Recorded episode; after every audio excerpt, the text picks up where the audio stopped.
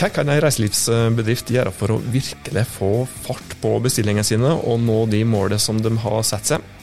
Nå anbefaler oss at du setter øreproppen ekstra godt på plass i øregangen, for i dag så skal du virkelig få noen knakende gode tips fra en som virkelig kan reiseliv.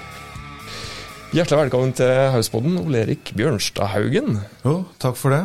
Du eh, gir meg noen eh, store forventninger her nå. Nei da, jeg har jo litt erfaring har jeg fått gjennom de fem årene jeg jobba i, i, reiselivet, og har møtt mange bedrifter og ser hvordan de tenker og ja, og hvordan vi har bidratt inn mot, uh, mot de da, som destinasjonsselskap.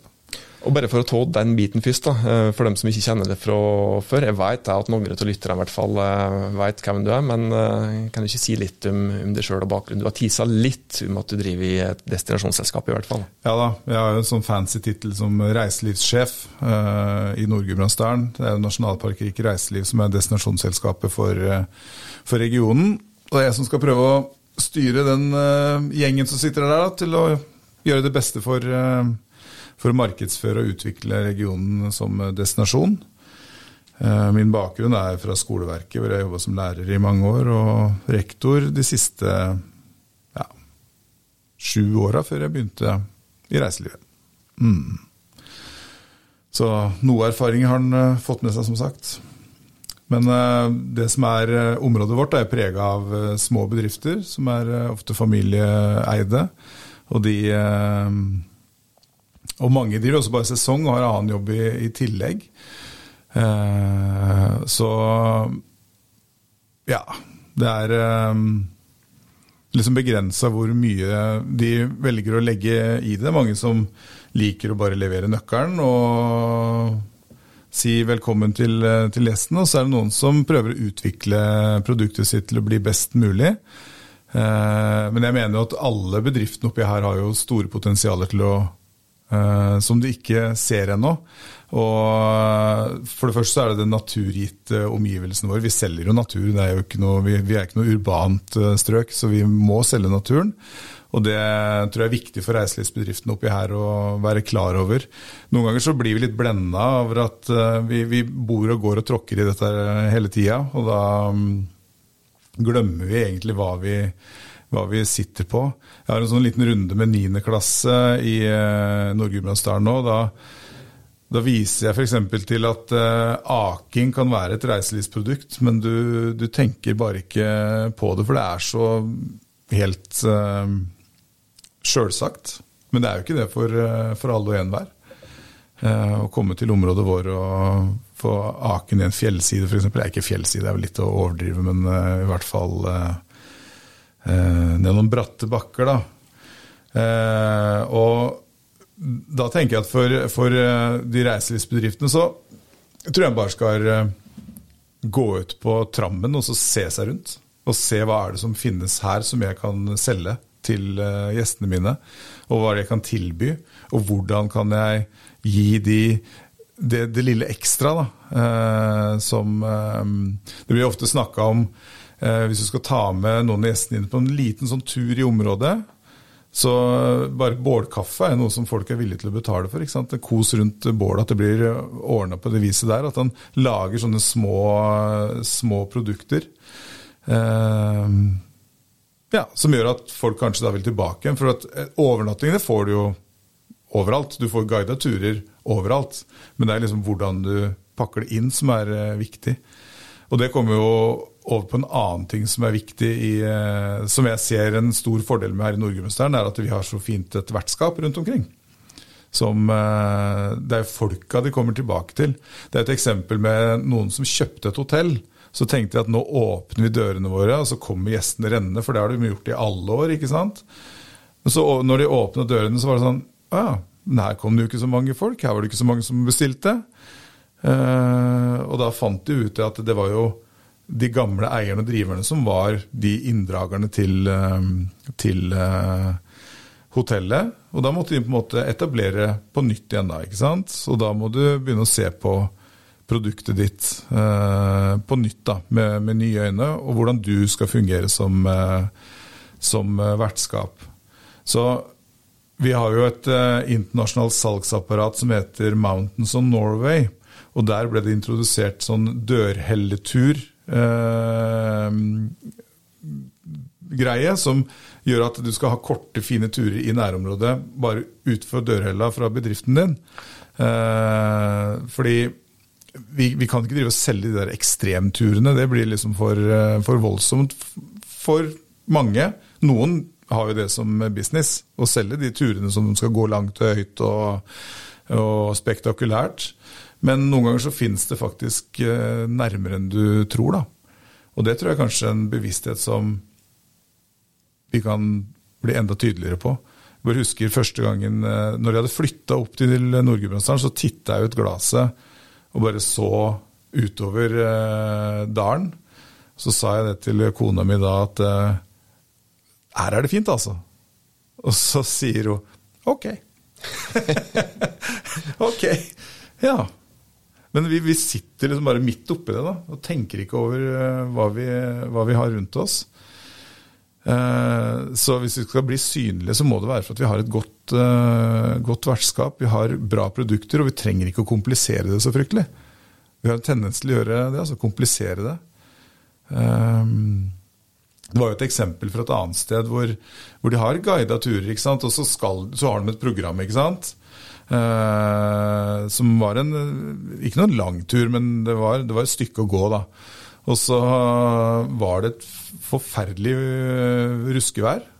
Der vi nordmenn eh, Dette var utenlandske turister, da, men vi nordmenn ville bare ja, tenkte at nei, vi blir inne. Vi sitter foran peisen og drar på oss et pledd eller noe sånt. Nei, men når vi gjennomførte turen, da og gikk bare noen hundre meter fra hotellet. Og da Det er det beste skussmålet de har fått, var etter den turen. For det var visst helt rått. Å bare kjenne den naturen, liksom. Som vi tenker at eh, det blir for kaldt, det blir for, uh, for kjett å gå ut. Men da var det plutselig sånt uh, et, uh, en opplevelse som de ikke hadde hatt, som de fikk tilbakemeldinger mye bedre enn hva de andre normale turene hadde vært. Jeg har jo alltid sagt det at hvis vi på vinteren så kunne vi selge Han skal selge stormturer, da. For at vinteren, du, du, aner ikke hva slags vær det er oppi her. Så du, du, kan jo liksom ikke Vi kan jo spre haugevis av solskinnsbilder og superfantastisk natur. Og så veit du at normalt sett så treffer du kanskje ikke det der, da. Men hvis du selger Det høres rart ut hvis du selger det dårligste du kan tilby. da. En sånn stormtur, og så blir det sånn Åh, det, ble, det var bare måneder siden i dag. Ja ja, vi får nå ta en måneskinnstur i stedet. da. At du på en måte kan ta eh, eh, det råeste du har, og så selge inn det. Da blir du ikke skuffa, vet du. Mange gode opplevelser i blåfrosne være? Ja, men det kan faktisk det. Og særlig da hvis du kan komme inn igjen. Eh, da vil nok den, det der foran peisen med et glass med noe godt i, og da vil nok det bli enda mer forsterka. Eh, når du på en måte har opplevd det eh, det andre i tillegg. Da. Så mm, jeg veit ikke. Kan det hete å underselge seg, da? At vi må passe på så vi ikke gjør det. Men ja. Det er jo, det er jo egentlig helt Det gjelder uansett, tenker jeg. Nå har vi prata mye om Nord-Gudbrandsdalen, men uansett hva du holder til, om det er her, om det er Lofoten eller om det er i en storby for så vidt, at uh, når du bor og jobber i det i det daglige, så ser du Du blir jo blind. Ja. Du ser ikke de tingene der sjøl. Så du er jo kanskje inne på det grunnleggende tipset, eller helt basic tipset for til reiselivsbedrift egentlig skal gjøre det best mulig, da, og se så tett rundt nåsene sine som bare mulig. Ja hvilke produkter vi egentlig finner der. Ja, rett og slett. Og jeg tror ikke vi skal undervurdere det som finnes uh, tett på deg, uh, rett og slett. Det er en annen historie, det er ikke fra området her, men det var en uh, turistbuss med utenlandske turister som kjørte over ei vidde, og så hoier en baki der plutselig at 'No, stop the bus, stop the bus'. Og så sier guiden at 'Men det er ikke noe her, det er jo ingenting her å se', liksom. Og da sa han at 'Ja, men det er jo akkurat det'. Det er ingenting å se. Det er ingenting her. Jeg har aldri opplevd ingenting, liksom.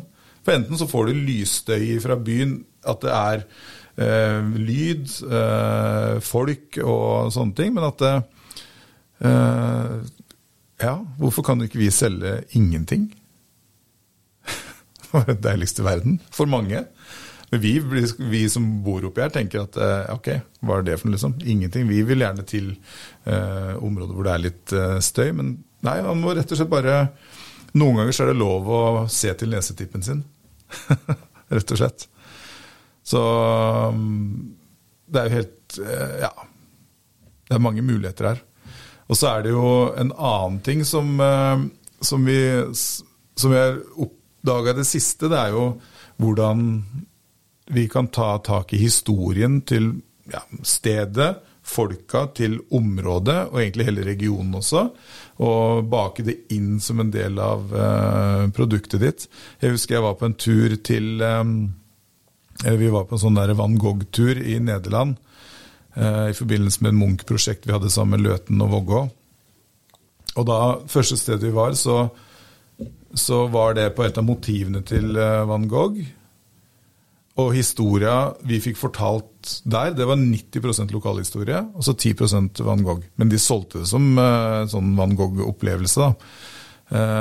Men da tar de tak i den lokale historien og gjør, gjør, det interessant. da. Og jeg tror også at det kan være noe for et vertskap på en bedrift, er å ta tak i historien og få formidla den på en eller annen måte til gjestene. Det kan være små drypp, f.eks. Eh, som gjør at det er interessant å komme tilbake, og at de andre da eh, anbefaler stedet. Eh, så, og da faller jeg tilbake på det med vertskap igjen. ikke sant? At han er nødt til å være et godt vertskap og være eh, på gjesten. Og det må ikke være den som eier stedet, men de som jobber der også. At, de, at alle gjestene skal føle seg eh, sett. Eh, og verdsatt, da, tror jeg, da kommer de tilbake og anbefaler også. Og det er jo den enkleste markedsføringa, på sett og vis. Da trenger du ikke sosiale medier eller noen ting. Eller jo, du, de, da vil jo gjestene spre det. Du kan forsterke det. Du kan, ja, ikke sant.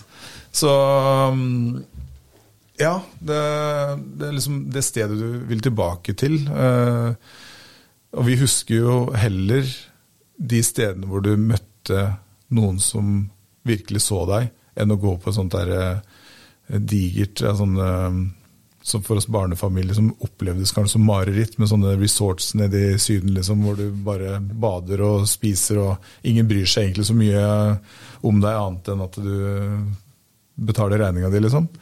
Eh, da kan du reise til hvilken som helst, ikke sant? men det er de stedene hvor du treffer folka som er poenget. Og der har vi virkelig en fordel oppe i Nord-Gudbrandsdalen. Altså.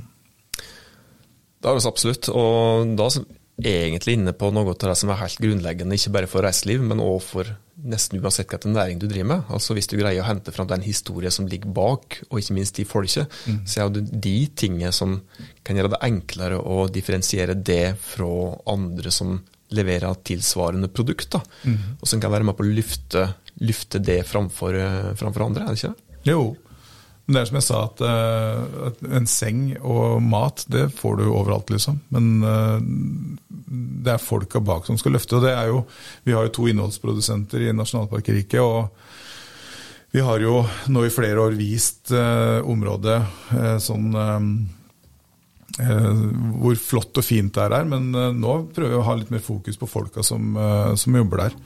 For det er de historiene og de folka som er salgsvara på et vis, sammen med naturen, ikke sant. Så mm, ja. Det, det var i Stryn og møtte en del, en del firmaer der for noen uker siden, og da, da sa de at folka er alt, altså. Og det, det, er det vi Naturen, den har vi, men da, hvis du supplerer med folka, da blir det, blir det bra. Og Hvis en da ser på nasjonalparkriket, hvor mange reiselivsbedrifter har dere nå? 155 ca. Ok, Da har du plutselig 155 unike historier istedenfor ei ja. historie. Ja, ikke sant. Så lenge vi går inn på hver enkelt. Eh, jeg veit at eh, Marius, innholdsprodusent, har lyst til å lage en sånn eh, serie om hvor du skal få eierne vertskapet til å fortelle hvorfor driver du med dette her. Og folk kjenner på det derre det ligger jo en, det ligger et sånn glød og Hva heter det på norsk? da, Passion.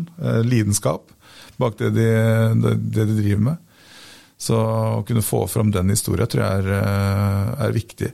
Og da må jo kanskje også eh, Gudbrandsdøler, vet du, de er jo så utrolig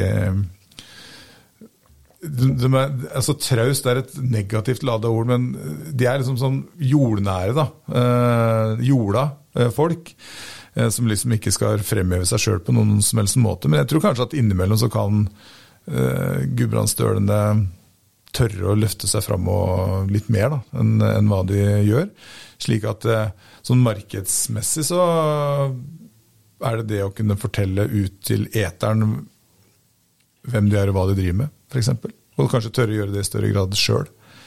Eh, og Hvis ikke så får de hjelp av eh, destinasjonsselskapet hvis de er medlem der. Men eh, det å kunne tørre å si at dette vi har her er bra, det, det er ikke Gudbrandsdølene altfor gode til, for å si det sånn. og sikkert flere andre. Ja. Men, ja, jeg skal ikke ta Dette er nok ikke unikt for uh, Gudbrandsdølen, men det er noe her jeg bor og her jeg kjenner folka. Men uansett, om, du, om, du, kanskje ikke første gang tørst å rope så høyt om deg sjøl, så jeg tenker at det er en fin øvelse å tå, da, sammen med deg sjøl eller kanskje andre som du jobber med, og rett og slett pushe deg sjøl på hva hvorfor gjør oss dette her? Hvorfor, mm. hvorfor er vi så opptatt av det? Hvorfor, som du sier, hvorfor er vi så lidenskapelige rundt det? Ja. For kanskje du får en liten slik vekker da, som kan hjelpe deg på å virkelig få, få en bedre bevissthet rundt hva produktet ditt egentlig er, og ikke ja. minst eh, da kanskje tørst å fronte akkurat det unike enda mer. Mm. Og det er jo eh, Et annet tips er jo det å få et sett eller to med andre øyne på deg sjøl og bedriften, og tåle å høre det som blir sagt, og ta til seg de forbedringene som en uh, kanskje kan få gjennom et ekstra sett med øyne. Da. Uh, og da kunne få hjelp av, uh, av andre til å se hva han har. For at, som vi sa, han blir litt blind. da. Eh, plutselig oppdager Å ja, ok, kanskje det, det kan være en, uh, en greie. Ja, ja nei, men så fint. Takk skal du ha. Det kan jeg bygge videre på. Uh, og det er sånn jeg tenker at en også kan utvikle produktene sine. Han hvis en blir sittende litt sånn navlebeskuende, da skjer det lite utvikling. Så snakke med andre og samarbeid er jo også ekstremt viktig. Det, det har jeg skjønt nå gjennom disse fem åra, at bedrifter som samarbeider med andre, de eh, lykkes bedre og er lettere å selge enn hvis en bare skal sitte aleine også. Uh, og da tenker jeg ikke nødvendigvis at en må lage pakker sammen, men at en har sånn der, et fellesskap da, hvor en kan snakke og drodle sammen med andre kolleger f.eks. Så møteplasser med andre er også en smart, smart ting å gjøre. Og Da finner en plutselig noen nye sammensetninger som en ikke skulle tro fantes. Eh, sånn som i Mountains of Norway, som jeg snakka om her, så er jo det samarbeid med Geilo, Valdres, Lillehammer og Nasjonalparkriket. Og det, når vi sitter rundt bordet og skal begynne å snakke om produktene våre, så plutselig så bare sånn ah, Ok, ja, det var smart. Men det, jeg gjør jo sånn. Å ja, men kanskje vi to kan se på noe sammen, da. Og sånn kan vi kanskje bli flinkere til oppe i Nord-Gudbrandsdalen også. Eh, jeg vil jo det at eh, når noe fint blir presentert for Lesja, så burde jo de som er i sjåk også dele det gladelig, for at vi er jo én region. Uh, og vi ønsker jo det samme for alle. Så um, ja, raushet, kanskje. Det har vel skjedd en litt utvikling der, hvis en bare tenker uh, Altså, litt subjektivt, men jeg legger vel merke til det både for reiselivet sin del og kanskje enkelte andre bedrifter med, at uh, oss unna kanskje andre som oss tidligere så på som konkurrenter, i større grad suksess enn det som var gjort tidligere. Ja. Og at en nå ser større nytte til det, at en trenger et fellesskap, at en trenger, trenger samarbeid. At det, at det, er bra for alle. Ja, det, det er jo um, Et eksempel uh, er jo uh, et område hvor det er mange reiselivsbedrifter. Én har helårsåpen, og så stenger de andre for sesong. Og så snakka han liksom om det å utvide sesongen, da, eh, skuldersesongene, slik at han kan ha gjester lenger. Jeg veit at det blir sånn eh, kostnadsspørsmål, for det koster jo å holde oppe en, eh, en, bedrift, og hvor mange kommer. Men hele poenget med det er at hvis en skal lykkes, så må alle holde åpent. Fordi vi, vi, en Vi løfter hverandre. Eh, at én bedrift i et område er åpent, det, det, hjelper ikke så mye. Fordi det var flere som ønsker det samme. fordi da skaper du på en måte litt sånn liv og røre i området, og da blir det interessant å reise dit. Eh, så å ville dra i samme retning er også viktig, og det gjør en jo da gjennom eh, samarbeid, og ikke sitte på hver sin tue og skue på hverandre. Det Jeg tror vel sjelden jeg har sett noe godt komme ut av det. Noen gang. Både i livet og i reiselivet. Så nei, det med, det med samarbeid er eh, også, også, viktig. Så er det jo sånn markedsføringsmessig, så, så, skal ikke jeg gå inn på detaljer rundt det, men eh, jeg tror nok det er eh, Hvis en ikke går inn for det sjøl. Noen er jo flinke til å bruke sosiale medier uh, sjøl, for han må jo synliggjøre det på en eller annen måte. Han kan jo gjerne leve på et rykte, uh, men uh, på den annen side så skal det bare én dårlig opplevelse for noen uh, til for at du ødelegger det gode ryktet, liksom. Det er som han sa, den første innholdsprodusenten vår, at det er ekstremt vanskelig å markedsføre seg bort ifra et dårlig rykte. Så um, men han, det å synliggjøre det han, eh, det han, driver med ute i sosiale kanaler, det ser i hvert fall vi på som ekstremt viktig. Og selv om vi markedsfører områder og bedrifter, så er det ikke noe konkurranse at bedriften sjøl også eh, løfter seg sjøl opp i sosiale medier. Eh, det er jo bare med på å skape den der oppstrømmen da, som, en, som en trenger. Og Hvis en ikke er god på det, så får en skaffe litt hjelp, da rett og slett, til å, til å gjøre det. Det, skal, det, er bare noen små grep som skal til for at det ikke skal se ut på verken hjemmesider, Instagram, Facebook Altså Hvis, hvis det er sånn der siste oppdatering i 2017, så tenker folk at ok, men det er stengt. Mm.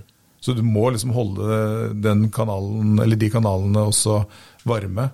Eh, sørge for at de er oppdatert, og at den eh,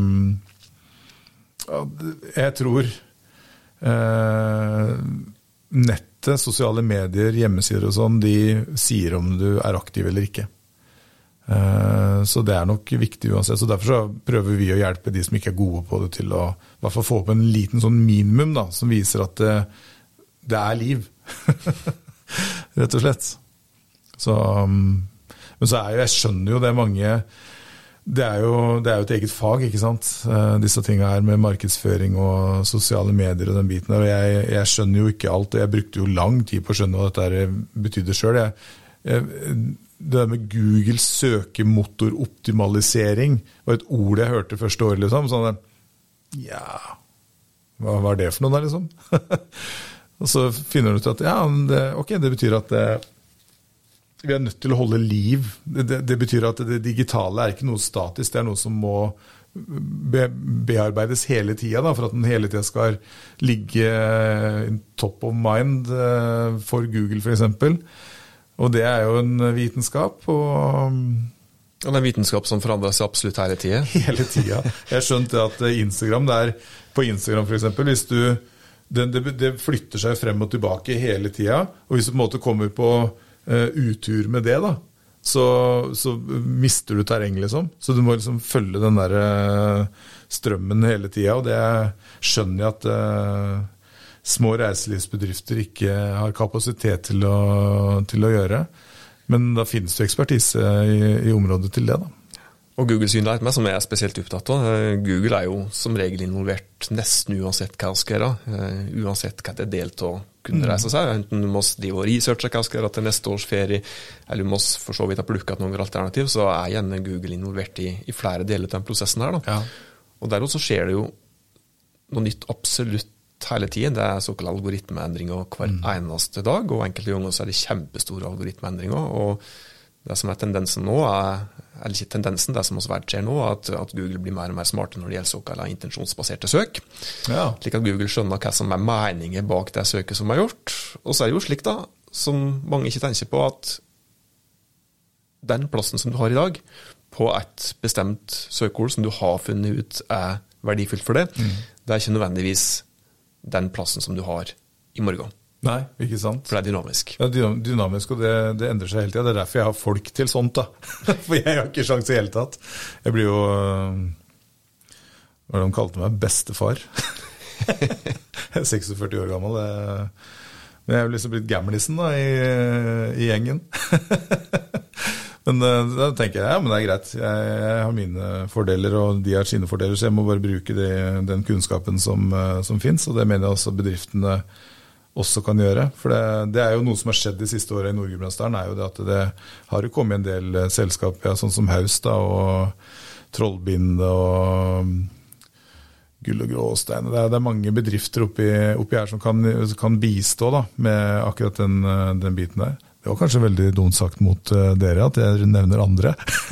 Nei, det er jo egentlig bare fint. For oss vil akkurat sitte og prate om det at det er bra at vi ja, uh, har såkalte konkurrenter som også ja, ja. omtaler som samarbeidspartnere. Ikke sant. Og, ja, det, det, er riktig. Da, så, så, um, men det betyr at det er et miljø oppe i Nord-Gudbrandsdalen som uh, fint kan benyttes da, av, av små bedrifter til å løfte seg fram litt mer, da. Det er jo um, Kan ikke forvente at alle skal havne på side én på Google. Uh, det, det, vil jo ikke gå. Men uh, at en kanskje veit å gjøre noen trekk som um, løfter den litt. Jeg skjønte, jeg skjønte at det å lage en hjemmeside sånn der, Ja, men jeg har en hjemmeside. Jo, men det er greit, men den er på side åtte på Google det hjelper deg egentlig lite. Og det er jo det vi jobber med i Nasjonalparkriket, at vi skal havne høyt opp hele tida på de tingene som er relevant for, uh, for, oss. Og Det er viktig å si der, ordet relevans. Mm. Altså Et lite case som jeg har borti for noen dager siden, som jeg er helt sikker på at de som hører på nå, kanskje får en liten aha-opplevelse rundt, var uh, ei bedrift som sa det at nei, det var viktig for oss å bruke akkurat det ordet der, som da var et destinasjonsord, mm. uh, eller egentlig et, et, opplevelsesmål, som var et enkeltord. Uh, så spurte jeg da ja, er du så sikker på at det er smart å være synlig på det for folk som søker på akkurat det ordet? Det kan like så godt være en åtteåring som vil finne fine bilder på nett ja. om akkurat den plassen der. Ja. Kanskje det er mer relevant for det å være godt synlig og ha god Google-plassering på produktet ditt i kombinasjon med det ordet. Ja. Ei lengre frase. Ja, ikke Slik at du da treffer rett målgruppe. Så ja. da kanskje òg Eller ikke bare kanskje, det er lettere å bygge synlighet på det enn bare på det generelle. Ja, og det der lærte jeg når vi, vi, begynte å gå over på YouTube for noen år siden eh, i større grad enn det har vært tidligere. Og da skjønte jeg at for YouTube og Google liksom prater sammen eh, ja, og, og at Tar jeg feil da, Tormod? Nei, du, det er helt rett. Altså, det er jo slik at YouTube er jo et Google-produkt. Ja, det er jo det. Og Google er jo verdens største søkemotor, mm. og YouTube er faktisk verdens nest største søkemotor. Ja. Da skjønnes jo at Google har verdensherredømme her, da. Ja. Så det er også slik. Hvis du skal nerde enda mer, så er det slik at når du gjør et vanlig Google-søk, så er hele tida mer enn halvparten av Google-søket videoer. Ja. Og av de videoene så er over 70% YouTube-videoer. Ja, så hvis du greier å ha bevissthet om synlighet både på YouTube og vanlige tekstbaserte søk på Google, da, da, er du på vei til å gjøre noe bra. Ja, og det var akkurat det som, eh, som ble gjort, skjønner du. For da, da ble det, lagd vi, vi har lagd mye filmer. Men da skjønte jeg at det du skriver eh, i beskrivelsen av filmen på YouTube, det er ekstremt viktig for hvordan du skal bli synlig på Google at dette, er, at dette, henger i hop. Så da må du bruke de rette ordene, og som du sier, det må være relevant. For at det, det mest irriterende er hvis du søker på Google, og så får du opp ting som ikke er relevant i forhold til det søket du skal ha. For da klikker det ut. Ja, da klikker og hvis du klikker det ut da, så får du garantert ikke god synlighet i framtiden. Hvis du prøver å lure det til et klikk. Ja, og det, og det jeg også skjønt at det er jo en del av algoritmen at han skal liksom ikke prøve å gjøre noe snarveier, han må bare jobbe på lag hele, hele veien. Så Nei, det er um, det er jo en vitenskap, dette her. Uh, men jeg, jeg, skjønner jo at de som sitter og skal gi senger, varme senger og god mat og en god opplevelse, ja, de, um, de kan ikke bruke tida på dette her, altså. Uh, det er jo krevende òg. Så um, det har du helt rett i, men da egentlig litt attende til utgangspunktet, tenker jeg, som kanskje da kan føre til at vi kan begynne å runde litt tomme. fordi at hvis du da fokuserer rundt det som er kjerna i produktet ditt, det som er viktig, ja. og kanskje greier å løfte fram det unike med, da vil du etter hvert faktisk òg greie å få den gode synligheten. Ja, ja, ja ikke sant. Hvis du fokuserer rundt det som er kjerna. Ja, og det gode produktet du har. Yes. Og hvis du utvikler det gode produktet ditt og holder deg tro til det, så skjer det liksom en slags automatikken det, det, det, det, blir en sånn symbiose som gjør at det, det, vil eh, fungere godt sammen. Så det er nok riktig at eh, for reiselivsbedriftene så er det det å ha tru på produktet ditt, ikke tenke for stort. Uh, I Mountains og Norway så snakker vi om nisjer. altså Det å finne den smale lille ting som gjelder deg spesielt, det løfter deg fram, rett og slett. Så um, ja, jeg kunne nevnt flere eksempler på sånne bedrifter, men jeg velger å ikke gjøre det, for frykt for å glemme noen viktige. Eh, men det finnes mange bedrifter oppe i Nord-Gudbrandsdalen som har veldig lett solgt eh, produkt. Jeg må bare si det, Når jeg fikk, eh, når jeg fikk jobben, så var det en kompis av meg som, jobbet, som også jobba i reiseliv, som sa at du, du skal jo selge et produkt som er ferdig scora, du. Det, vi trenger bare å gi, gi, den lille ekstra puffen til å få det i, uh, i mål. Fordi det er så bra, det vi, det vi sitter på her. Så, så, lenge vi klarer å anerkjenne det og innimellom ikke tenke lenger enn hit, så kan det bli bra. I Hauspodden så har vi med ei spalte som heter Ukas framsnakk. Og du Ole Erik er jo gjest i Hauspodden i dag, så du må få lov til å trekke fram eh, en eller annen som fortjener litt eh, heder og ære, eller et eller annet. Ja, takk for det. Det er jo eh, mye å ta mye han kunne snakke, mange han kunne snakke om her, men jeg velger å dra fram Tour de Dovre, som er den sykkelturen som ja, Den kan jo starte flere steder, men den starter på Dombås for mange. Og på Doverfjell til Folldal og til Grimsdalen og tilbake igjen, som er en sånn flerdagers sykkeltur. Eh, grunnen til at jeg har lyst til å løfte fram den, er at eh, da har du muligheten til å ta en ferie i Nord-Gudbrandsdalen uten å måtte rote med deg bilen. Den biten der, Du kan komme med toget til Dombås, leie deg sykkel, tralle eller bagasjetransport, og rett og slett bare sykle deg eh, gjennom området på, på elsykkel. Så jeg har lyst til å løfte fram Ole Johan Steinvik, som er primus motor for Dovrefjell Adventure. Som sitter med en lead på det, på det nettverket der. Og det er også et bevis på hvordan samarbeid kan løfte fram et område, heller enn hvordan man skal sitte og skue på hverandre. Så da Tour de Dovre er et veldig godt produkt som mange har lagt merke til, som er viktig for området vårt, og blir så dratt fram som gode eksempler andre steder. Sjekk ut Tour de Dovre garantert inspirasjon. Yes. Tusen takk for besøket, Ole Erik. Bare hyggelig. Og for all del, sjekk ut Nasjonalpark Rik reiseliv i alle kanaler. Ja. Så tror jeg det at det kan være til god inspirasjon da, for, for mange. Ja. Uansett bransje. Mye fint å se der. Da er det på tide å si tusen takk for at du hørte på denne her episoden av Hauspodden sikker på at du, uansett om du jobber i en reiselivsbedrift eller ikke, setter ordentlig stor pris på de tipsene som Ole Erik hadde å komme med i dag. Inntil oss høres i neste episode, så må du ta godt vare på det og dine.